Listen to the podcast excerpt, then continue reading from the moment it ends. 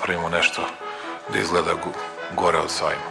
Moram da smislim to i da pitam Kineze. I've today left hospital after a week in which the NHS has saved my life. To se žena tiče, vi slobodno shopping. U Italiju čujem da će sada bude veliki popusti, će tamo da budu, pošto niko živi neće dođe, ali tako, u Italiju. Dobro večer. Mene su poslali iz štaba. Ja ću vam pomoći. Gde si, Zoki?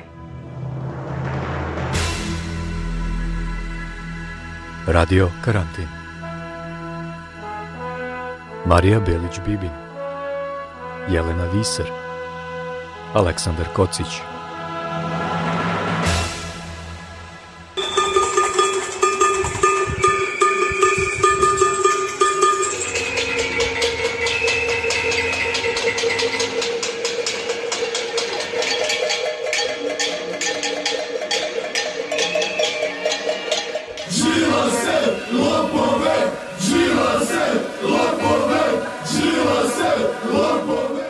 tebi šerpu, ti meni se lopove sa razglasa. Ovo su zvuci koji trenutno obeležavaju život u Srbiji.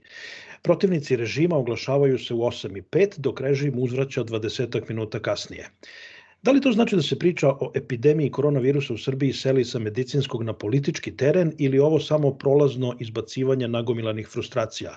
Videćemo u narednim danima. Dobrodošli u još jedan radio karantin. Ja sam Aleksandar Kocić u Glazgovu, a uz mene je u Utrehtu Jelena Fiser. Pozdrav. Marija Belić-Bibin u Novom Sadu je opravdano odsutna, ali vratit će se brzo.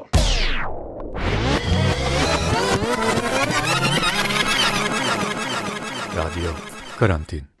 Naša današnja gošća je Svetlana Gavrilov, naučnik i lekar iz Njurka. Svetlana radi u oblasti translacione medicine za jednu neprofitnu organizaciju posvećenu pronalaženju leka za multipli mijelom.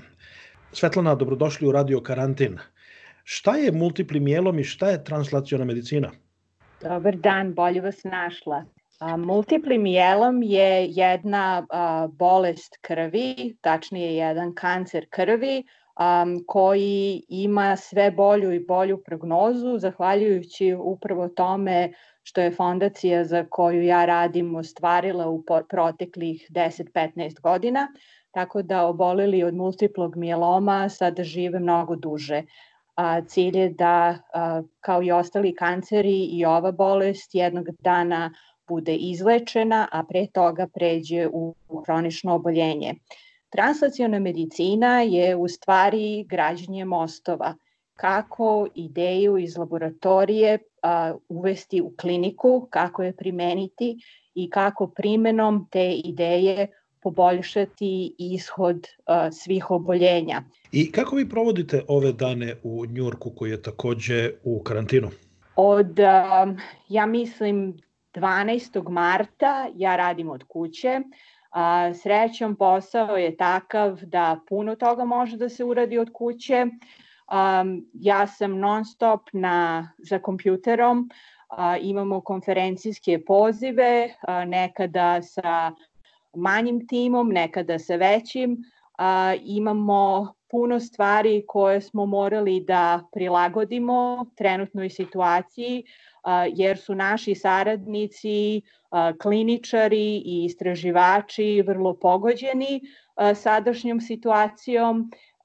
S jedne strane, eksperimenti kojima se oni bave su zauzeli drugo mesto, zato što je sve posvećeno testiranju virusa korone i isto tako mnogi od kliničara sa kojima radimo su angažovani i bukvalno su u prvim borbenim redovima. Um, trenutna situacija se takođe odražava i na klinička ispitivanja, znači klinička ispitivanja drugih lekova a, za druge bolesti a, koje su trenutno zaustavljena. Ono š, na, na što treba da obratimo pažnju trenutno potpuno fokusirani na, na koronavirus i zaslepljeni ovom pandemijom jeste da druge bolesti nisu nestale. Radio Karantin je podcast o životu u pandemiji i uh, ove nedelje u Radio Karantinu najviše ćemo se baviti u stvari borbom protiv pandemije COVID-19. Širom sveta borba protiv pandemije se nastavlja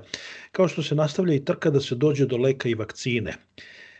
Nakon što prvi testovi sa sada već famoznim hlorokinom nisu dali željene rezultate, sada su sve oči uprte u remdesivir, lek koji je korišćen protiv ebole. Test koji je rađen u nekoliko bolnica širom sveta paralelno pokazuje da remdesivir smanjuje period u kojem pacijent pokazuje simptome sa 15 na 11 dana, što je dr. Anthony Fauci, jedan od vodećih ljudi u Trumpovom kriznom štabu, ocenio kao veoma pozitivan rezultat. Istovremeno se vodi trka s vremenom da se dođe do vakcine.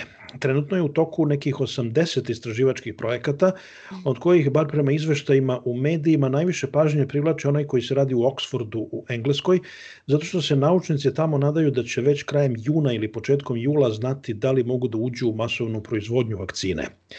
U nekoliko zemalja u svetu lekari su počeli da prijavljuju novi do sada redko viđan respiratorni sindrom koji napada decu zaraženu COVID-19.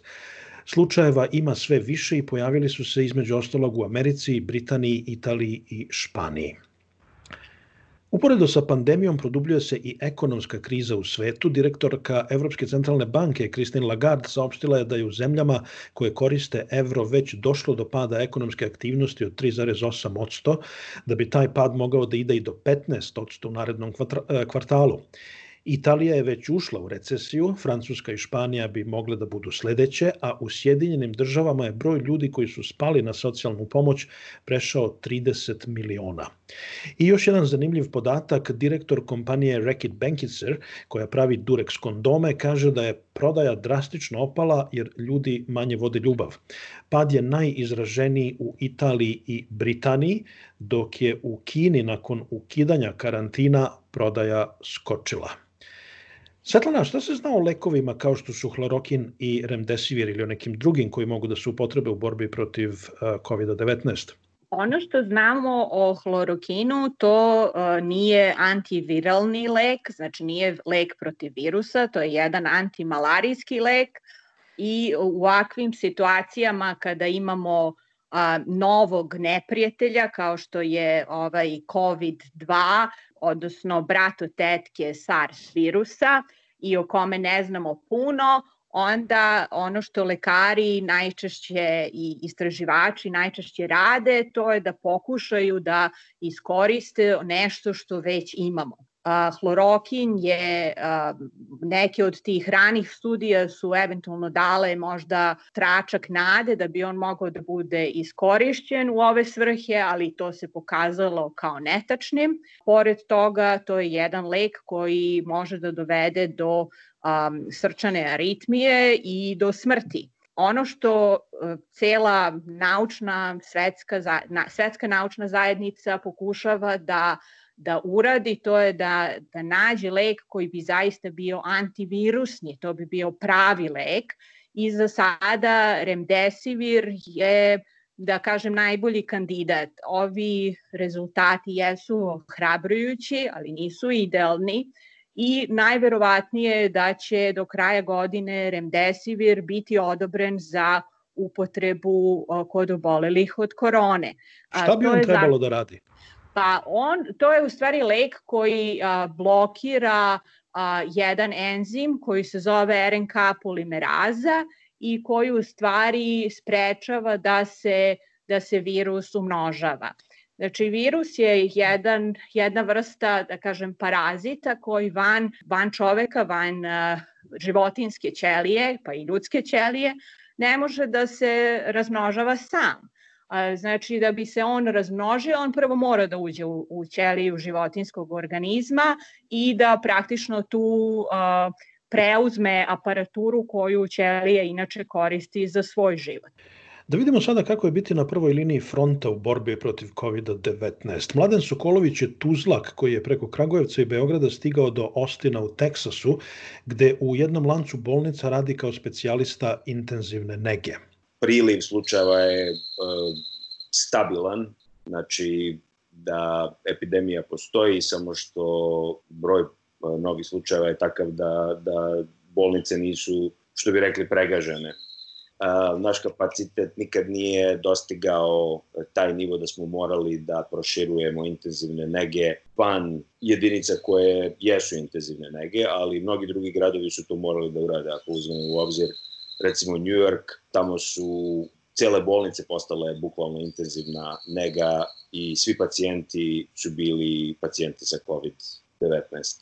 Uglavnom, znači ujutru kad se dođe kolega koji je tu preko noći da nam raport, onda krenemo u vizitu gde uh, sve pacijente, da li su sa COVID-om ili ove ostale, pregledamo, uh, sestre daju njihov raport, onda imamo multidisciplinarnu vizitu od 10 do negde 11 i 30, 12, u zavisnosti od koliko pacijenata ima i onda ostatak dana se provodi na, što kažemo, uh, ili dokumentaciji ili se ide i novi pacijenti se primaju, ovi koji su već tu, njihovo stanje se nekad pogorša, onda moraju neke intervencije da se rade, konsultacije sa konsultantima i uglavnom ceo dan je prilično busy, pogotovo ako, ako je većina tih pacijenata na nekoliko različitih life support sistema, znači management pacijenta i svih tih tehnologija zahteva dosta vremena i, i prilično je naporno. Nažalost, ventilatori su ili respiratori su vrlo neefikasni u smislu da ti pacijenti kojima se stanje pogorša do, do te mere da im je potreban respirator, jednom kad ih stavite na respirator, vrlo mali broj sa tog respiratora dočeka da, da e, se skine sa respiratora i, i da preživi e, najtežu ili najteži oblik COVID-19, tako da su pojedini pojedine e, studije, prvo iz Kine, onda iz Italije i, i sad e, najskorije iz Njujorka. Cifre su prilično besharabrujuće do te mere da nekih 80 do 90 posto pacijenata koji završe na respiratoru ne prežive.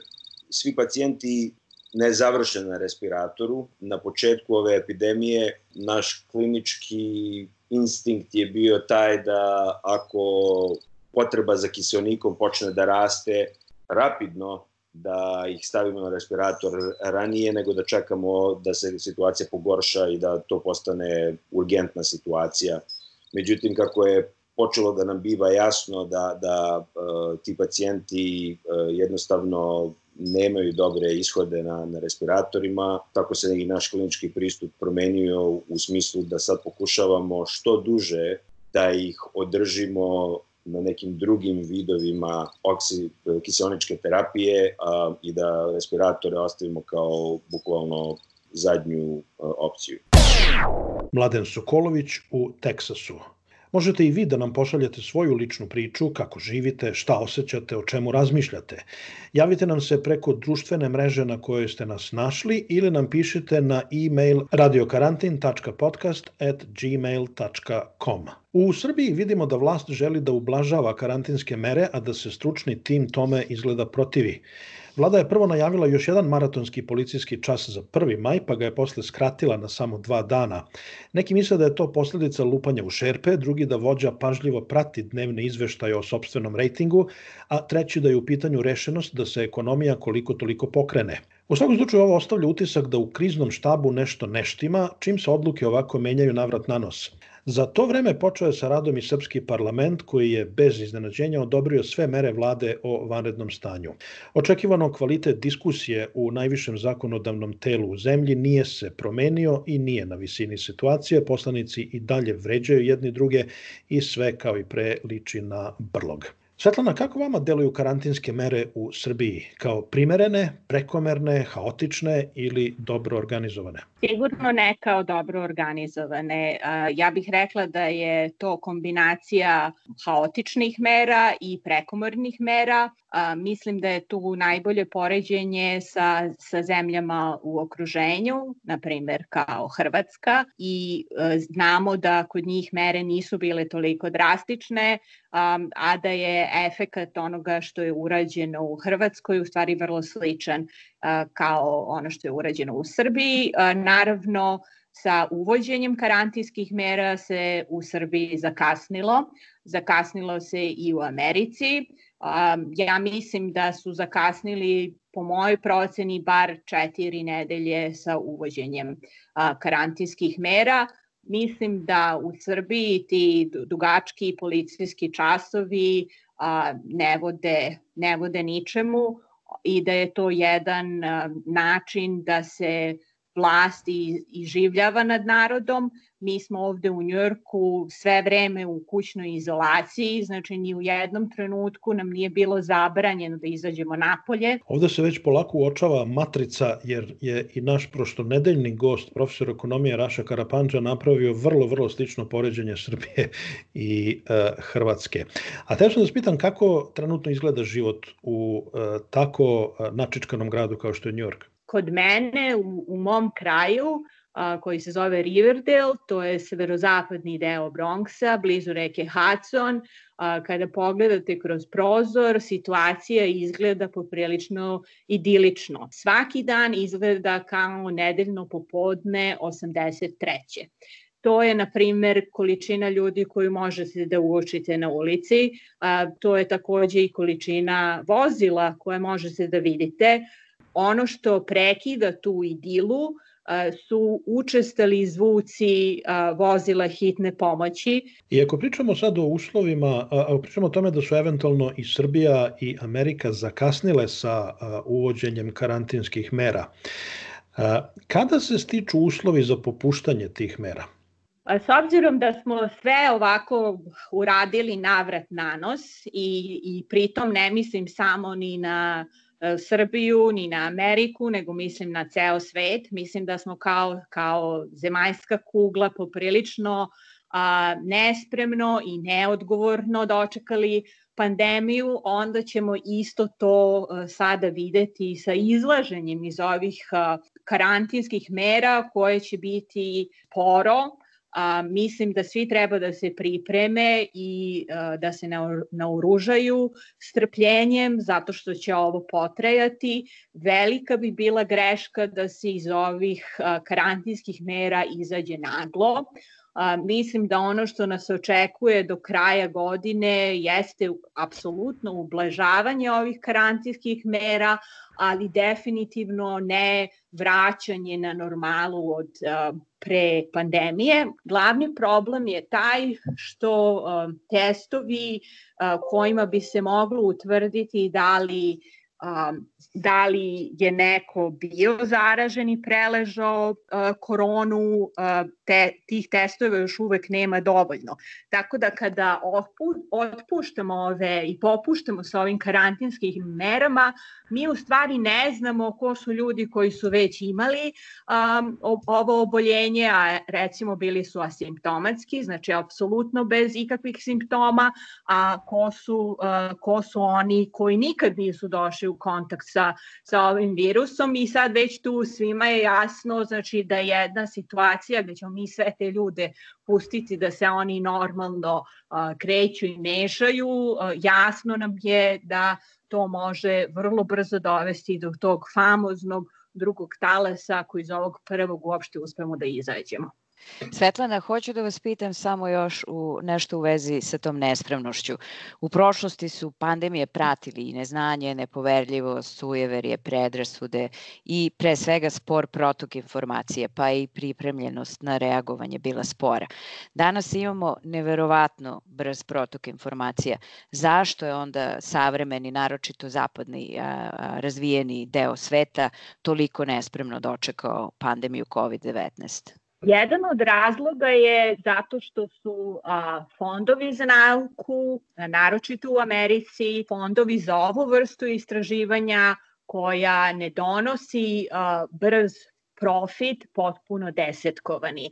Tu su naravno i um, političke pretenzije, pa je tako predsednik Trump a, po svom dolasku na vlast potpuno rasformirao tim koji je a, za vreme Obamine administracije bio uh, oformljen da bi se borio protiv pandemija. Znači, ne možemo gurati glavu u pesak kao nojevi i praviti se da je vreme pandemija prošlo, da je ono za nama.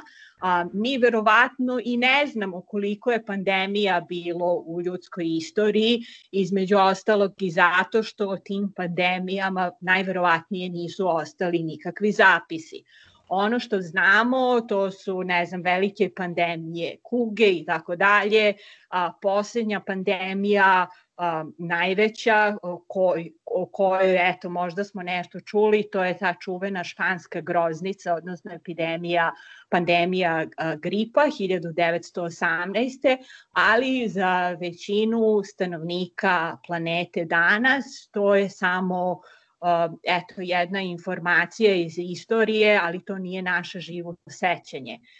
Za sve one koji su odrastali u prostoru, na prostoru bivše Jugoslavije, to je naravno sećanje na variolu veru, ali ja bih rekla pre sećanje na film o epidemiji variole vere, koji je jedan od mojih omiljenih filmova, ali ovako iz, iz filozofske a, perspektive i zaista mi se čini da je, da je Goran Marković ovim napravio jedan a, klasik, jer sve ono što se prikazuje u filmu, znači kako se ponašaju određeni ljudi, a, kako se ponašaju političari, kako se, kako se rešava ili ne rešava kriza, mislim da se može primeniti i na situaciju danas. Goran Marković u jednom nedavnom intervju e, pričao o tom filmu ponovo i e, između ostalog ispričao jednu predivnu epizodu kad je film prikazivao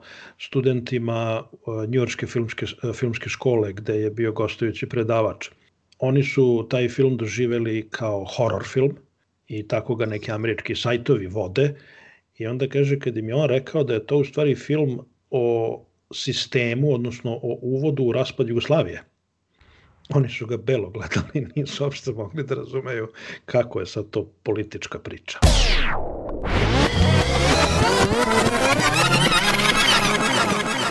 Radio Karantin. Kako nam je glavna tema ove emisije medicina, da čujemo kako ovu pandemiju doživljavaju zdravstveni radnici. Doktorke Irena Vučenović, Jelena Hartman i Ana Bogut i medicinska sestra Jelena Režina rade u hitnoj pomoći u Beogradu i našle su par minuta da sa nama podele svoja razmišljanja. Ja sam Jelena Hartman, doktorka u hitnoj pomoći koja radi u Beogradu. Ne mogu da kažem da nas je ova, ova infekcija COVID-19 iznenadila, pošto je i ranije bila prisutna u svetu i u Evropi, ali nekako sada kada je došla u našu zemlju, ono sa čim sam se ja prvo susrela je strah od neizvestnosti, kako će to se poteći, da ćemo mi moći da odgovorimo našim izazovima i zadacima na poslu, ali isto tako i strah od toga da li ćemo se i mi lično zaraziti ili da li ćemo zaraziti naše najmilije u, u, u našim familijama.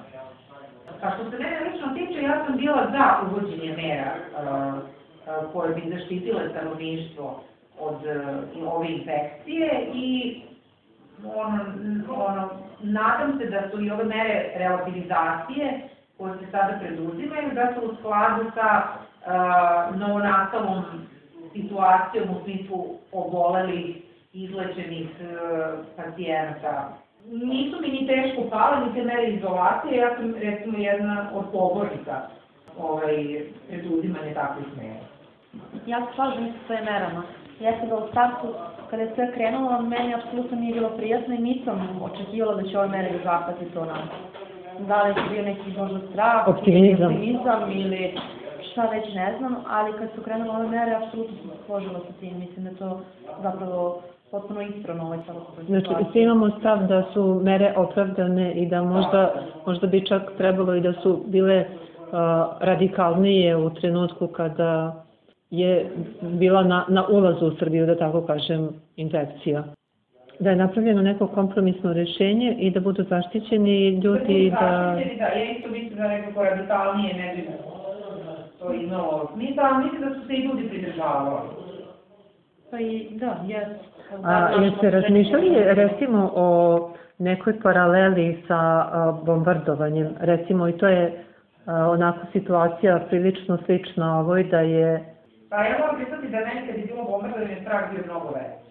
Zato što fizički se videlo kad neko strada, da. Sve nekako izvan moje moći i ne mogu, to je stvar opet koju ja ne mogu da kontrolišem, a ovo ipak mogu da kontrolišem svoje ponašanje, ono je kao vidljiv neprijatelj, a ovo je nevidljiv neprijatelj. Da, Onda posledice vidimo momentalno i svakodnevno na televiziji i izveštajima ovde je malo ovako... Ovde opet možete da relativno stavite pod kontrolu, da nosite maske, rukavice, naočare, vizire i tako dalje, iako i to opet pa ne štiti 100%.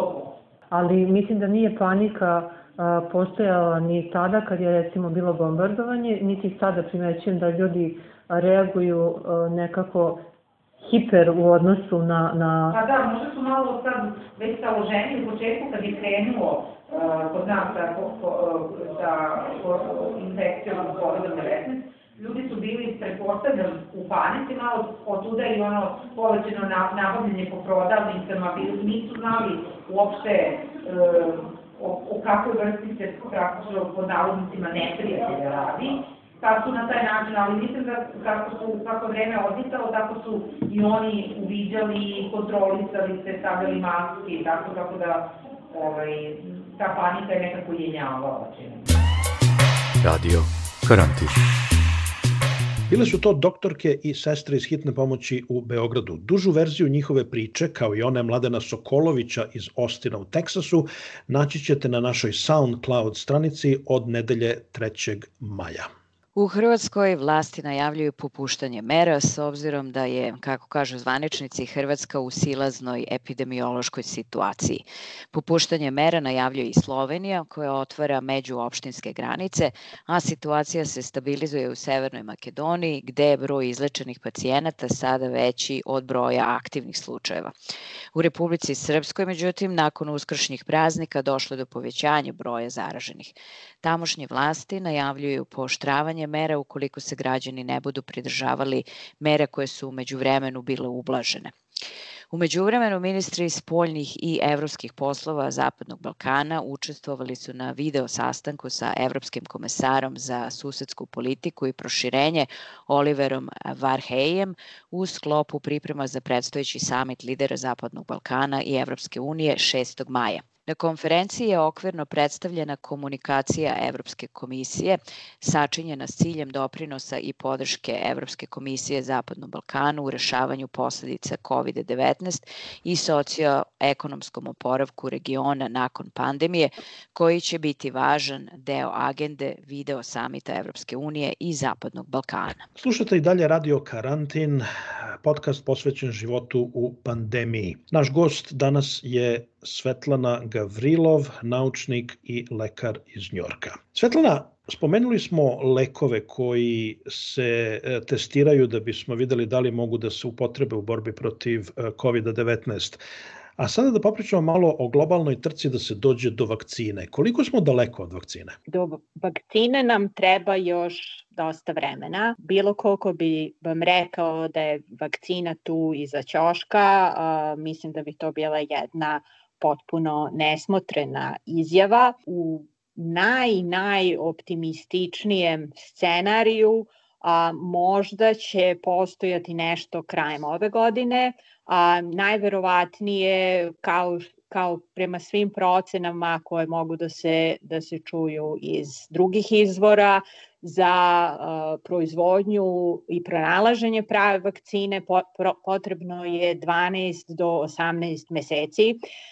Trenutno postoji, po mojim saznanjima, više od 90 projekata za vakcinu. Mi bismo bili kao svet, znači da smo se ponašali odgovorno, a, mi bismo bili mnogo dalje u, u, ovom, a, pro, u ovoj proizvodnji vakcine, da smo nastavili sa proizvodnjom vakcine za SARS posle epidemije SARS-a 2002-2003.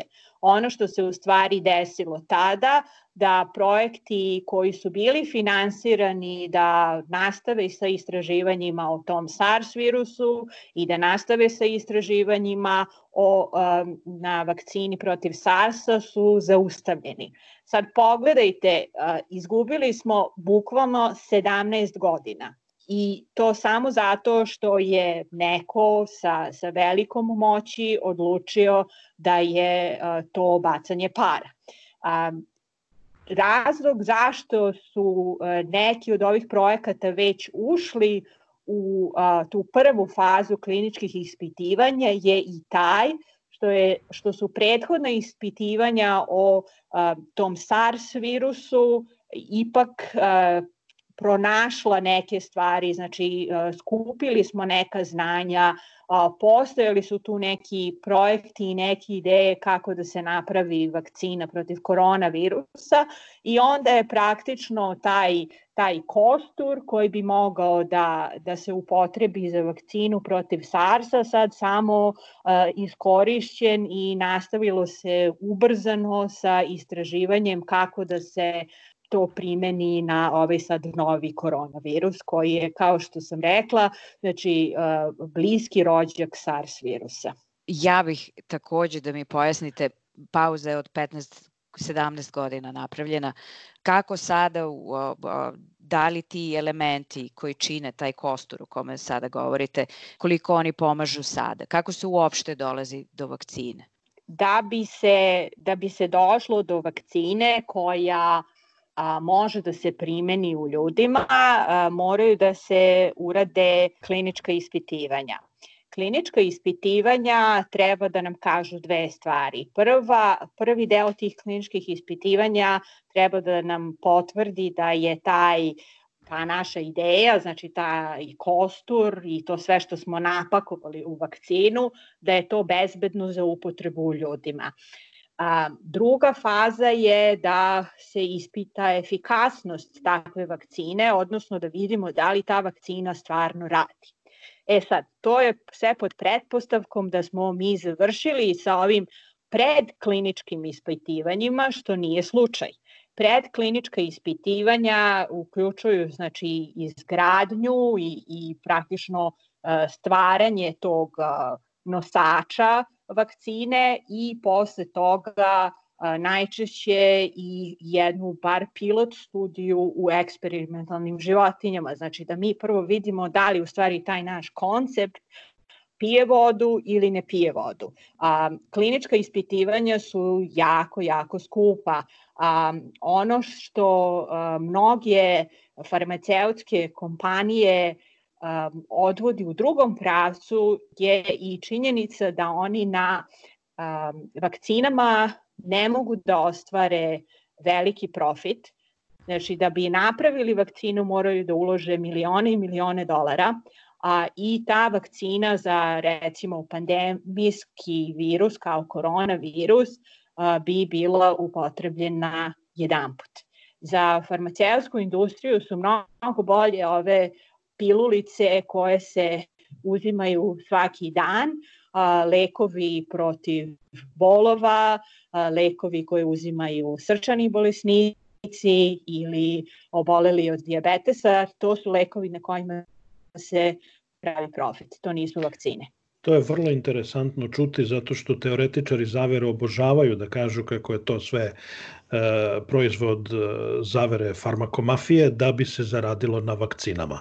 A koji tipovi vakcina, Svetlana, ili možete da nam pojasnite? Um, ono što se uh, trenutno radi, znači ovi projekti za, za vakcinu protiv koronavirusa uh, mogu da se podele, na primer, u uh, četiri grupe. Uh, prva grupa bi bila, uh, to bi bile vakcine koje sadrže uh, a, virus koji je ili umrtvljen, oslabljen ili je inaktiviran.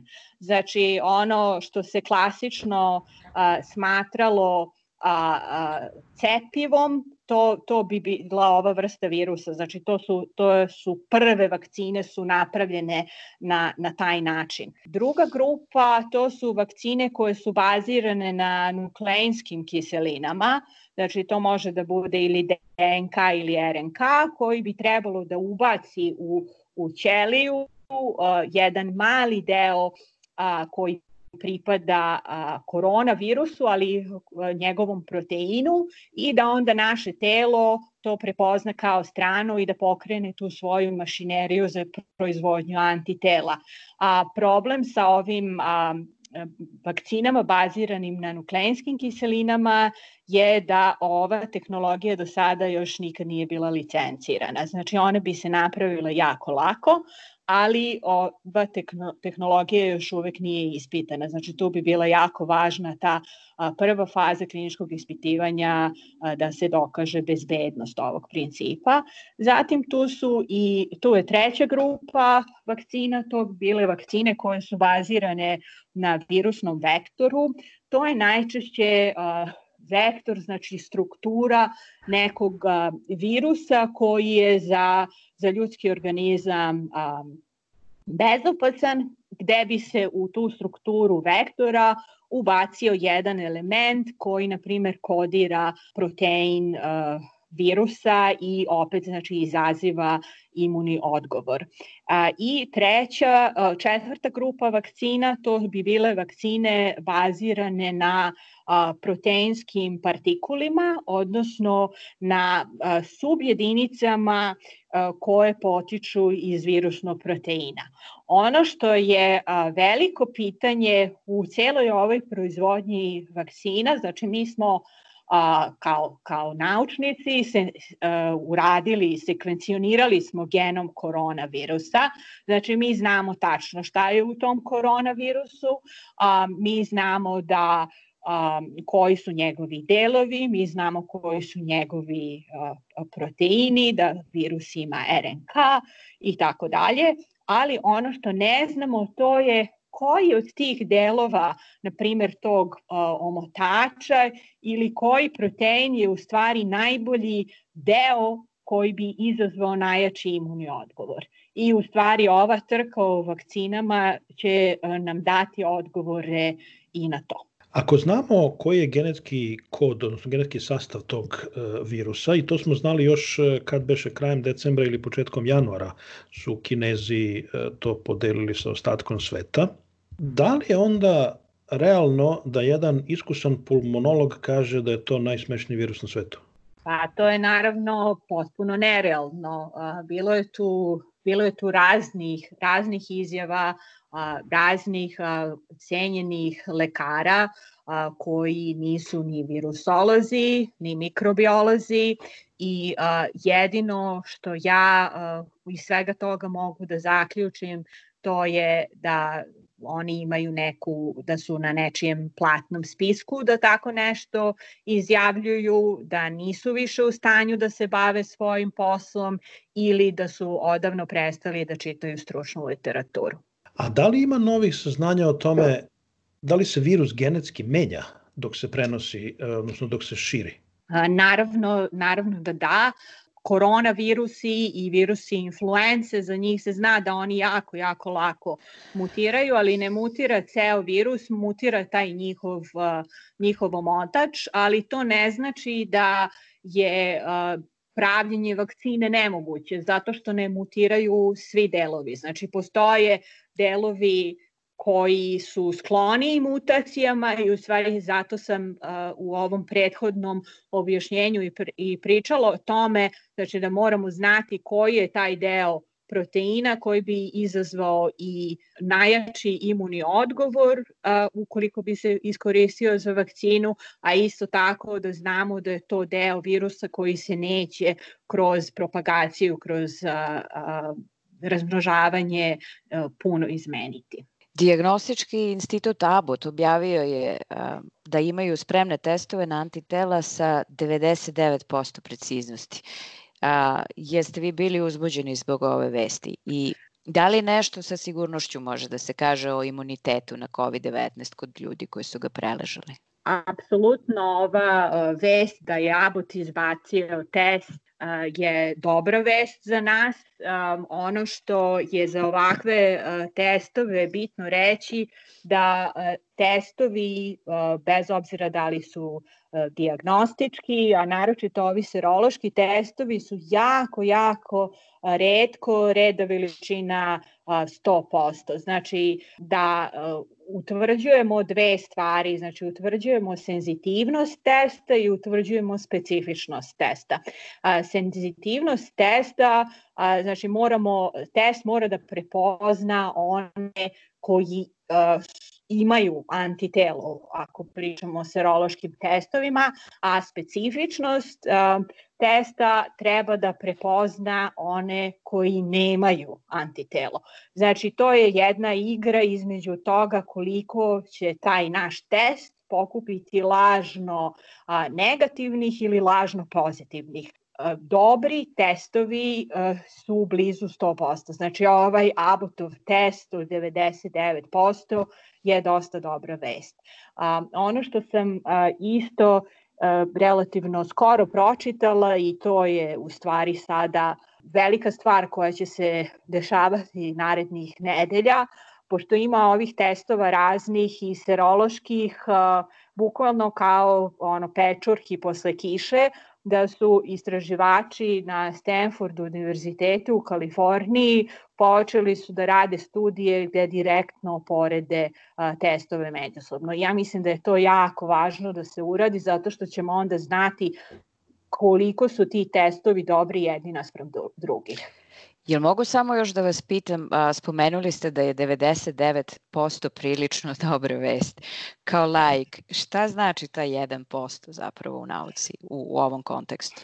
Pa u kontekstu e, to bi značilo da, znači opet kao ona, ona priča sa, sa nekog početka ili sredine našeg razgovora, to je zamisliti situaciju gde vi nekome kažete da je da je lažno negativan. I um, a, ako govorimo o serološkom testu, e, to znači da e, ta osoba nije došla u kontakt sa virusom ili da toj osobi kažete da je lažno a, pozitivan.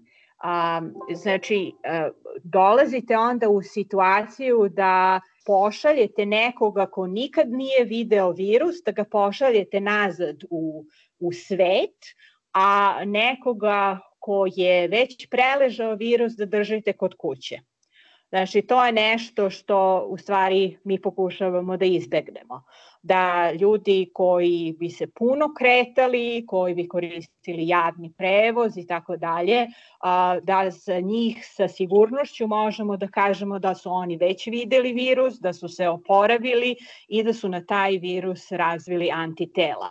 Ono što je isto bilo pitanje, a to je kako ćemo znati da li na ovaj koronavirus postoji, da li je razvijen imunitet ili ne, kod ljudi koji su ga preležali. Sve što možemo da kažemo to je da na osnovu naših saznanja o a, bliskom rođaku koronavirusa, a to je SARS. A, zna se da imunitet posle preležanog SARS-a postoji i da najčešće antitela protiv virusa SARS-a mogu da se nađu u a, krvi a, onih koji su ga preležali do dve godine posle infekcije. Znači ja pretpostavljam da će biti slična priča i sa koronavirusom. Ja znam da su se pojavile neke vesti o ljudima koji su bili a, ponovo zaraženi, ali je najverovatnije riječ o tome da su ovi testovi za koje, eto, kao što znamo da su nepouzdani, e, da, da se tu nešto desilo, znači da je ili, ili je to prvo bio lažno pozitivan rezultat, e, pa je pa je posle bio pravi ili, ili tako neki scenario. Pre nego što nastavimo razgovor sa Svetlanom Gavrilov da čujemo malo muzike. Kao što smo videli, život u pandemiji i karantinu doveli su do toga da se ceo svet raspevao. Neki parodiraju krizu, a drugi ozbiljno rade. Jedni su amateri, drugi su profesionalci. Ovoga puta svima im je zajedničko to da i u ovoj situaciji muzičari nastavljaju da objavljuju nove pesme. Nasti nam po rakiju i na zdravi za kraj. U karantinu raja sada slavi prvi maj Ovdje se rastajemo s Bogom goodbye. Svi ćemo u stečaj. Sretan prvi maj. Danas nije olimpijada, danas nije ni gej parada. Pandemija će proći pa ćemo tada slaviti praznik dan rada. Danas nije olimpijada, danas nije ni gej parada. I virus će proći pa ćemo tada slaviti praznik dan rada I suspend.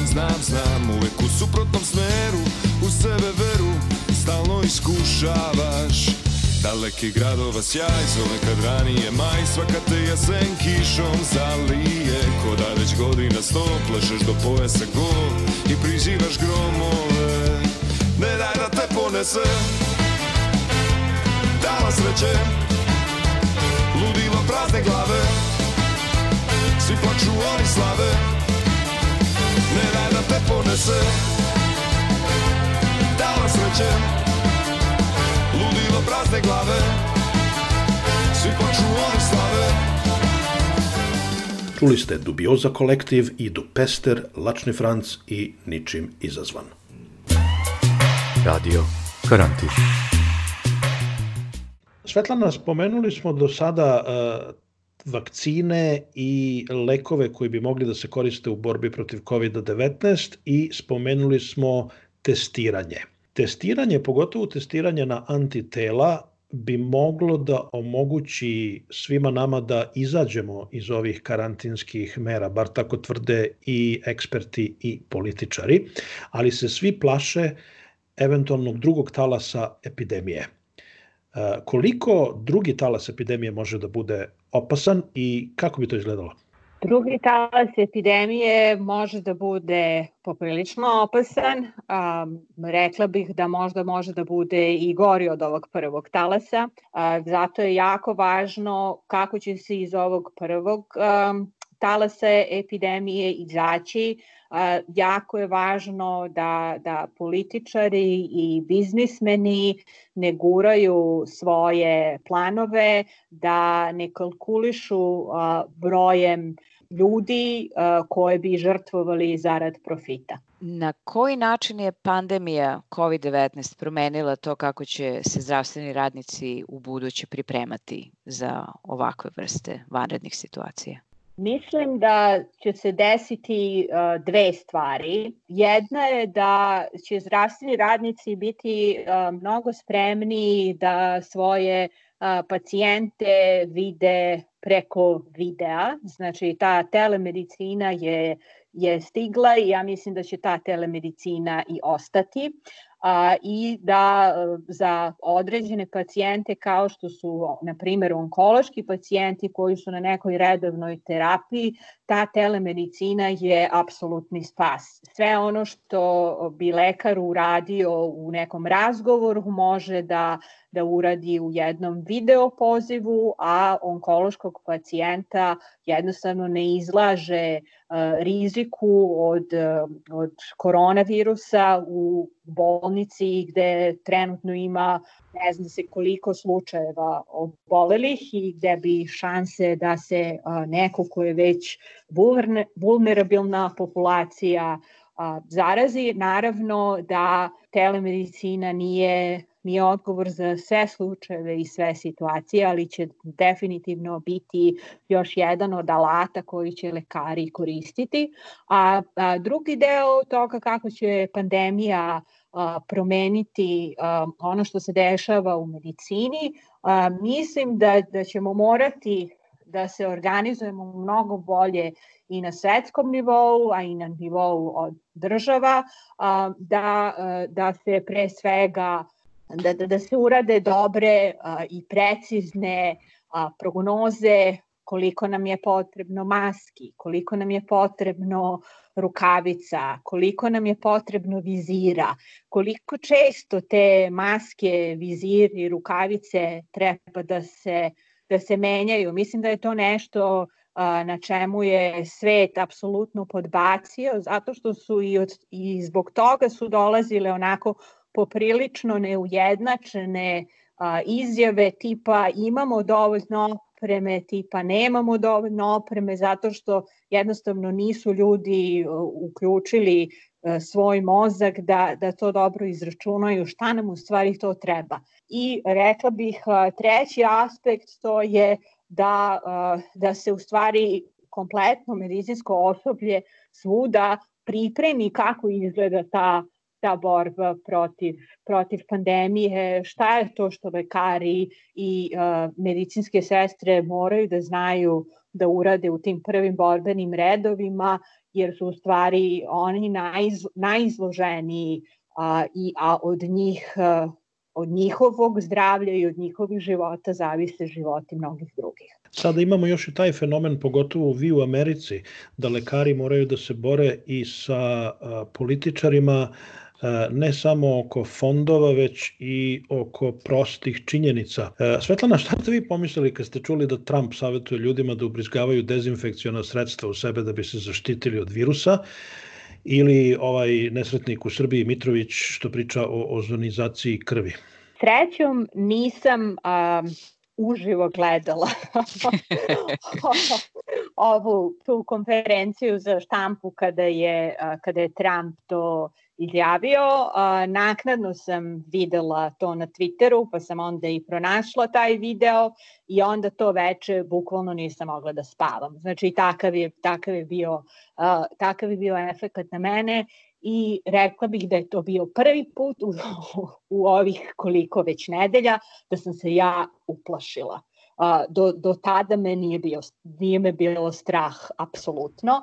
A, ono što me u stvari a, još više zateklo to je način na koji je a, doktorka Burks a, reagovala na ovu njegovu izjavu i ne samo to u, direkt, u tom direktnom prenosu kako je ona reagovala na to, nego kako je posle izašao, izašlo i njeno objašnjenje u kojem ona objašnjava kako predsednik tako naglas razmišlja. A šta kao naučnica mislite o teorijama zavere i lažnim vestima u medicini i nauci uopšte? Koliko su one opasne? I još jedno pitanje, a šta biste kao naučnica rekli pobornicima antivakcinacijskog pokreta? Ja primećujem da je sa, sa ovim brzim brzom razmenom informacija gde, gde se telefoni ne ispuštaju iz ruku, ova pojava uzela maha.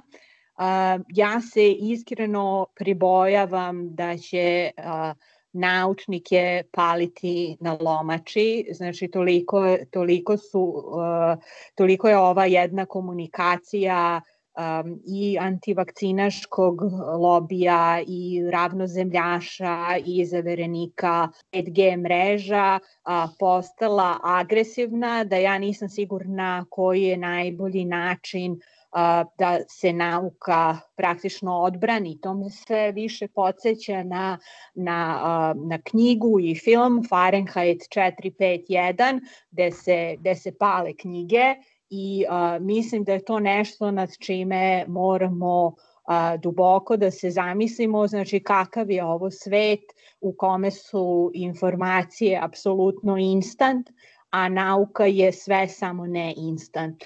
Ali zar ne mislite, ali zar ne, izvinite što prekidam, ali zar ne mislite da je ovo zapravo velika šansa za nauku da se ponovo, ako tako mogu da kažem, dokaže i da mi kao čovečanstvo shvatimo uh, da će nas iz ovoga izvući i spasiti nauka.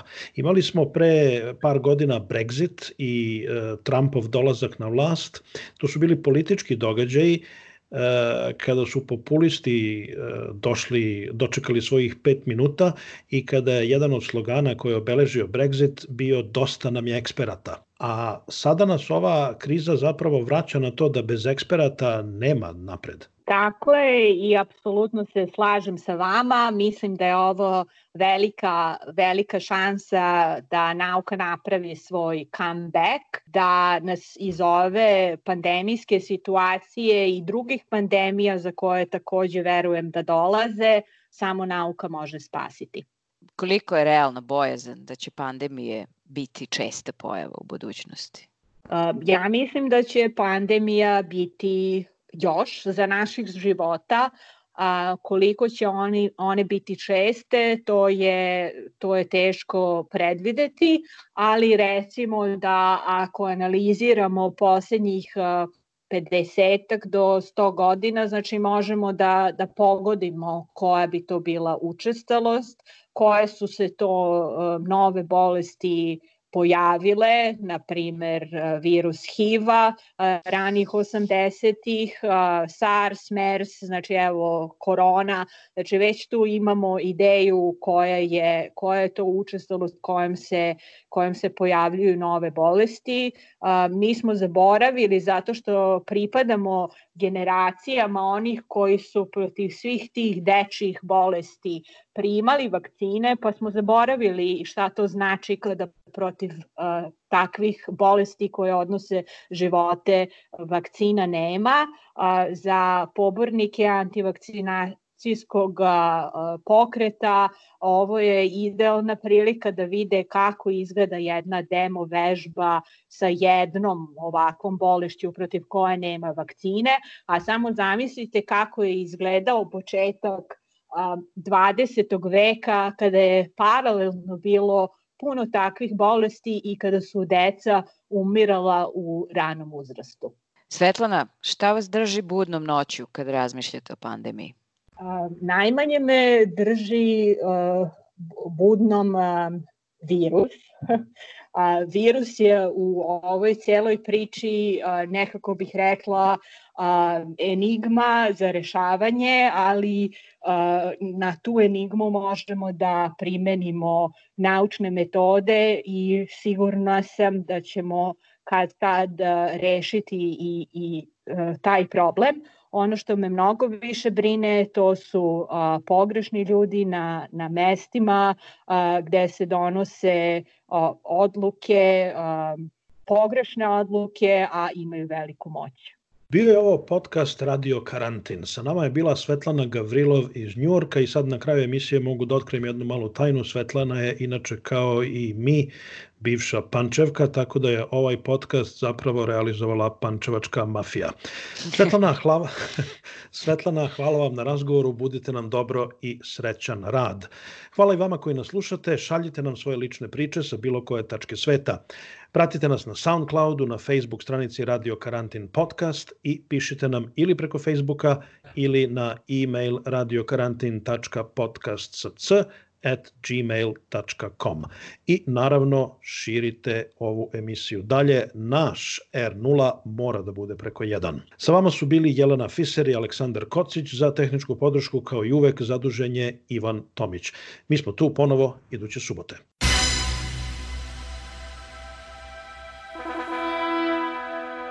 Moramo da napravimo nešto da izgleda gore od sajma. Moram da smislim to i da pitam Kineze. I've today left hospital after a week in which the NHS has saved my life. To se žena tiče, vi slobodno u shopping. U Italiju čujem da će sada bude veliki popusti, će tamo da budu, pošto niko živi neće dođe, jel tako, u Italiju. Dobro večer. Mene su poslali iz štaba. Ja ću vam pomoći. Gde si, Zoki? Radio Karantin Marija Belić-Bibin Jelena Viser Aleksandar Kocić